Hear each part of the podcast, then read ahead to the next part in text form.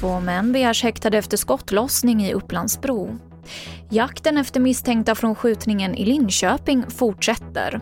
Och de svenska handbollsdamerna förlorade OS-semifinalen mot Frankrike men medaljchans finns kvar. TV4-nyheterna börjar med att vi nyss fick in uppgifter att två män begärs häktade efter skottlossningen i Upplandsbro utanför Stockholm.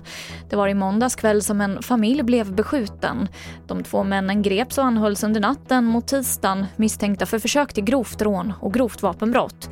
Åklagare har nu alltså begärt de häktade för försök till mord, försök till rån och grovt vapenbrott.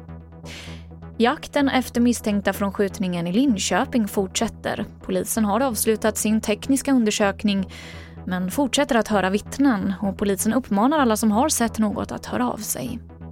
En man beskriver för den lokala tidningen Korren att han stod och tankade sin bil i stadsdelen Berga igår kväll då han såg en svartklädd och maskerad man höja ett föremål i sin hand mot en pojke bakom en busskur.